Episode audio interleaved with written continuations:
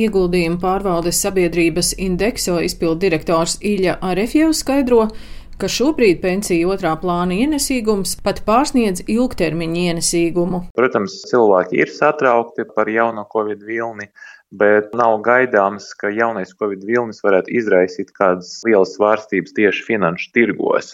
Mūsuprāt, visdrošākais, ko var darīt šajā situācijā, ir vienkārši ieguldīt līdzekļus maksimāli plaši. Neizvēlēties kādu konkrētu nozari. Ja mēs līdzekļus maksimāli plaši diversificējam, tad, tad vidējais rezultāts būs gana stabils. Mēs ieguldam naudu ar indeksu ieguldījumu fondu starpniecību, un atsevišķi indeksu ieguldījumu fondi var veikt ieguldījumus arī Latvijas emitentiem procentos, bet eh, tie ir atsevišķi gadījumi. Arī Latvijas obligācijas ir indeksos. Ja mēs runājam par uzņēmumiem, tad biržas uzņēmuma saraksts ir gana īss un viņi salīdzinoši mazi šāda veida ieguldījumiem. Šis ir pirmais gads Latvijas pensiju sistēmas vēsturē, kad ir iespēja veidot aktīvos plānus ar 100% ieguldījumu akcijās, stāsta SEB pensiju un uzkrājuma eksperte Kristīne Lomanovska tur tas ienesīgums ir līdz pat 20%.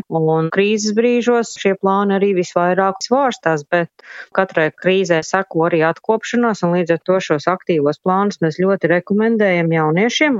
Kamēr esi jauns, ir pareizi uzņemties risku, jo šīs iemaksas ik mēnesi, kas mums no sociālajām apdrošināšanas iemaksām 6% novirzās otriem līmenim, tiek uzkrātas pakāpeniski, un tad tuvojoties pensijas vecumam, pamazām, pamazām šis risks ir jāsamazina jāmazina pirms pensijas vecumā, tad eh, noteikti var izvēlēties konservatīvos plānus. Ekonomikas zinātņu doktors Edgars Voļskis skaidro, ka pensiju plānu ienesīgums jāvērtē ilgtermiņā, trīs gadu periodā, jo sešu mēnešu ienesīgums var svārstīties.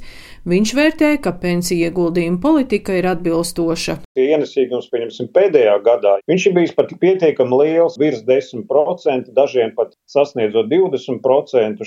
Tanī pašā laikā, mēs skatāmies ilgtermiņā, kas ir 2-3 gadi, tad joprojām šis ienesīgums, manuprāt, ir pietiekami augsts, kas ir no 5 līdz pat 10% par pēdējiem trim gadiem. Būtiski, lai šis ienesīgums būtu divi tik lielāks nekā inflācijas rādītāji, proti, lai man otrā līmeņa kapitāla pirktspējas ne tikai saglabātos, bet arī pieaugtu, lai mēs lēnītēm pietuvotos šim rādītājam, kas ir atvietojams 60% un vairāk.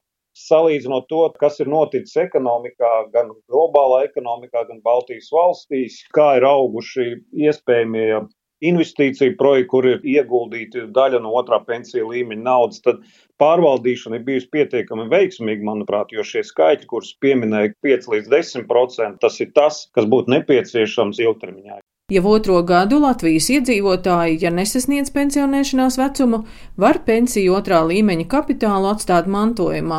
Pēc valsts sociālās apdrošināšanas aģentūras datiem šo iespēju izmantojuši 20% pensiju otrā līmeņa dalībnieki. Veiktas arī izmaksas - 1,32 miljoni izmaksāti 366 mantiniekiem, bet 1,15 miljonu eiro pievienoti 246 iedzīvotāju pensijas kapitālā portālam. Indekso izpildu direktors Ilja Arefjevs vērtē, ka iedzīvotāju interese par pensiju uzkrājumiem joprojām ir maza interese par otro pensiju līmeni pieaug ļoti lēni. Otrajā līmenī vēl nav uzkrāti tik lieli līdzekļi. Salīdzinoši vidējais uzkrājums tikai nedaudz pārsniedz 4000 eiro, kas nav daudz. Otra būtiska lieta, ka cilvēkiem ikdienā vispār nav brīvi un ērti pieejama informācija par otru pensiju līmeņa uzkrājumiem. Šobrīd vienīgais informācijas avots ir, ir valsts portāls latvija.lv.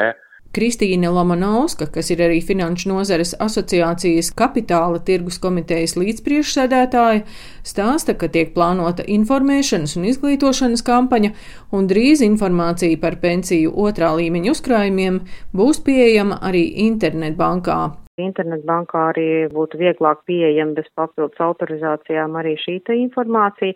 Un otrs virziens ir, kā mēs varētu sniegt pilnvērtīgākas konsultācijas par dažādām ieguldījumu alternatīvām, ja, jo pensiju plānu skaits ir krietni liels, sākot no ilgspējas jautājumiem, tāpat dzīves cikla plāni, ir dažādu risku plāni, un lai tā izvēle notiktu pamatot, tur ir noteikti jāveic arī skaidrojošais darbs. Informāciju par aktīvajiem, sabalansētajiem un konservatīvajiem pensiju plāniem un to ienesīgumu meklējiet mājaslapā manapensija.lv. Daina Zalamane, Latvijas radio.